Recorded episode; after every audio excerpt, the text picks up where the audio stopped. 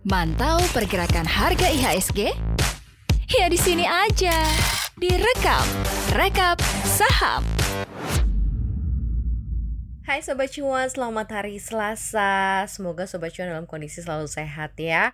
Meskipun PPKM level 4 diperpanjang lagi sampai 16 Agustus 2021, kita ambil positifnya, di mana pemerintah rasanya pengen benar-benar memastikan bahwa kasus, pertambahan kasus COVID-19 ini sudah tertanggulangi. Jadi kita harus positif, kita harus support juga pemerintah. Seperti biasa nih Sobat Cuan, sebelum bertransaksi harian selalu ada rekam, rekap saham harian. Sebelum Sobat Cuan ini semakin cuan hari ini sama Maria Katarina jam 8 pagi di podcastnya Cuap Cuap Cuan. Ada apa aja ya hari ini? Langsung aja kita lihat beberapa informasi yang masuk ke dalam radar rekam hari ini. Next. IHSG yang udah sempat adem ayem di level 6.200-an harus menyerah di perdagangan kemarin dengan koreksi 1,22 persen, ditutup di 6.127,45. Dan saham-saham yang tergabung di Liquid 45 ini juga terkoreksi cukup dalam 1,47 persen. Dan saham-saham yang tergabung di Jakarta Islamic Index pun juga bahkan lebih dalam lagi nih pelemahannya 1,97 persen. Kalau dilihat dari transaksi yang mencapai 20,3 triliun rupiah, tampaknya aksi jual investor masih terus melanda sehingga indeks harga saham gabungan harus ditutup dengan koreksi yang cukup dalam. Tetapi ini cukup membayarlah apa yang terjadi di rally pekan lalu. Mungkin ini agak rehat sedikit ya karena kan besok kita mau uh, libur ya. Jadi memang biasanya pengamanan cash ini sangat dipilih oleh investor. Tapi jangan sedih karena ada beberapa informasi setelah ini yang mungkin bisa menjadi acuan sobat cuan nih untuk memilih mana yang oke okay untuk dimiliki satu hari sebelum libur. Kita lihat ya, kita ke info selanjutnya. Ada Bank Rakyat Indonesia yang melirik sektor pertanian menjadi salah satu sektor yang penting untuk ketahanan pangan nasional, di mana BRI mencatatkan penyaluran 30% portofolio untuk kur ke sektor ini.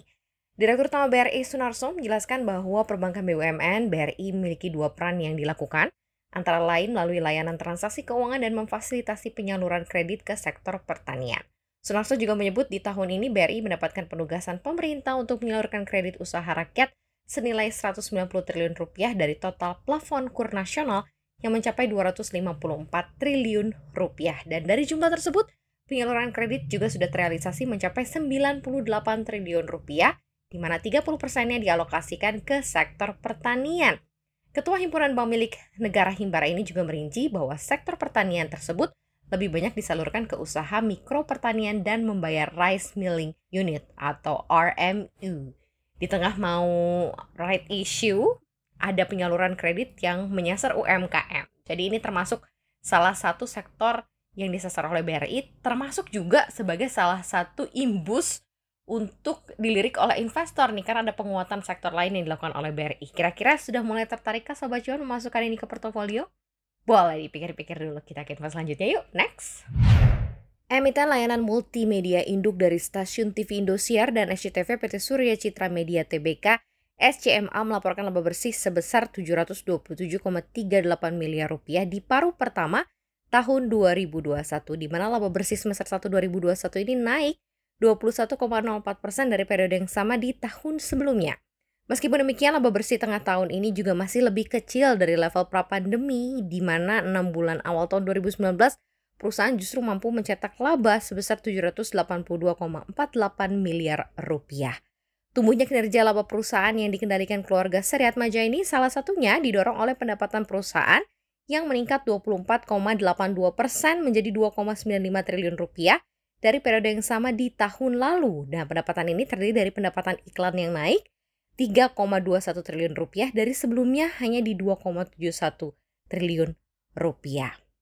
Nah, meskipun melaporkan kinerja keuangan yang baik di perdagangan kemarin nih, saham SMA justru malah turun 2,88 persen ke level 2020 per saham dengan kapitalisasi pasar sebesar 29,85 triliun rupiah. Dan dalam sepekan juga, Anak usaha PT Elang Mahkota Teknologi EMTK ini pun turun 10,22 persen selama satu bulan terakhir dan melemah 9,42 persen sejak awal tahun juga sudah terkoreksi 11,79 persen. Ya karena banyak faktor ya kalau kita bicara soal media TV, beban siarannya juga naik dan mungkin juga banyak sekali perusahaan yang udah nggak pasang iklan dulu karena bermaksud efisiensi. Tapi tetap struggle ya untuk media industri Kurang lebih seperti itu, Sobat Cuan cukup tertarik kah? Silahkan dipikirkan lagi. Next. Ada induk usaha kredivo Financial yang akan menjadi perusahaan terbuka dengan mencatatkan saham perdana initial public offering di bursa Nasdaq Amerika Serikat dan aksi korporasi ini akan berdampak ya pada peningkatan capital gain yang akan diperoleh oleh PT Telkom Indonesia sebagai salah satu investor di perusahaan ini. Tidak hanya potensi capital gain yang mungkin dapat diperoleh ternyata kan hal terpenting yang diharapkan dari investasi ini tentunya sinergi value dan startup portofolio MD ini akan mendukung pengembangan bisnis digital Telkom khususnya pada domain platform and service. Perusahaan ini diperkirakan juga akan memiliki nilai ekuitas sebesar 2,5 miliar US dollar atau 35,25 triliun rupiah setelah penawaran umum. Dengan demikian, perusahaan ini akan masuk dalam kelompok unicorn alias perusahaan startup bernilai 1 sampai 10 miliar US dollar. Telkom pun berinvestasi di Kredivo melalui MDI Ventures sejak 2018 dan kemudian dilanjutkan dengan pendanaan kedua di tahun berikutnya bersama Telkom Mitra Inovasi.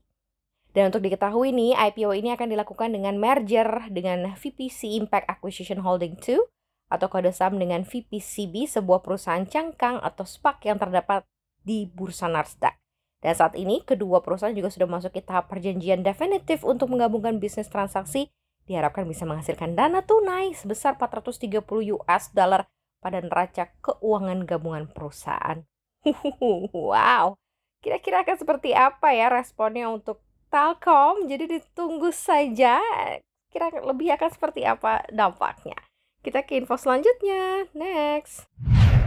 Nah, sedikit update untuk PPKM level 3 dan 4 ya, di mana Presiden Joko Widodo ini mengubah struktur dalam penanganan COVID-19 di tanah air Jokowi akan bertindak sebagai panglima tertinggi sementara dua orang di bawahnya sebagai komando wilayah.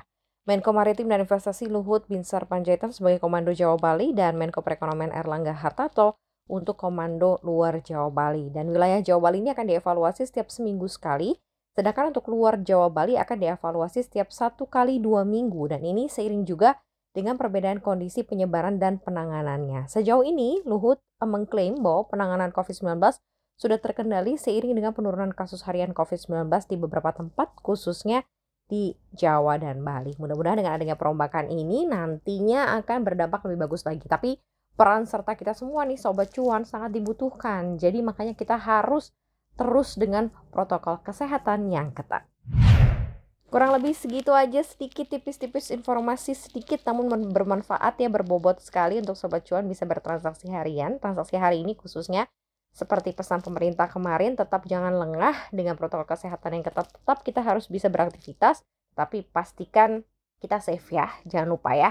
Dan cari informasi soal vaksin ya Sobat Cuan kalau misalnya Sobat Cuan belum mendapatkan vaksin sampai dengan saat ini. Terima kasih banyak udah dengerin Maria Katarina jam 8 pagi di podcast Cuap Cuap Cuan. Jangan lupa dengerin kita terus di Spotify, Apple Podcast, dan Google Podcast.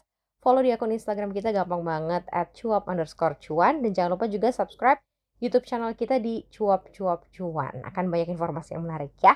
Dan untuk mendapatkan informasi detail juga seputar dunia investasi dan bisnis, boleh berselancar langsung ke www.cnbcindonesia.com. Terima kasih Sobat Cuan yang dengerin pada pagi hari ini. Sehat-sehat terus dan tetap semangat. Jangan lupa sarapan ya. I love you all. Bye-bye.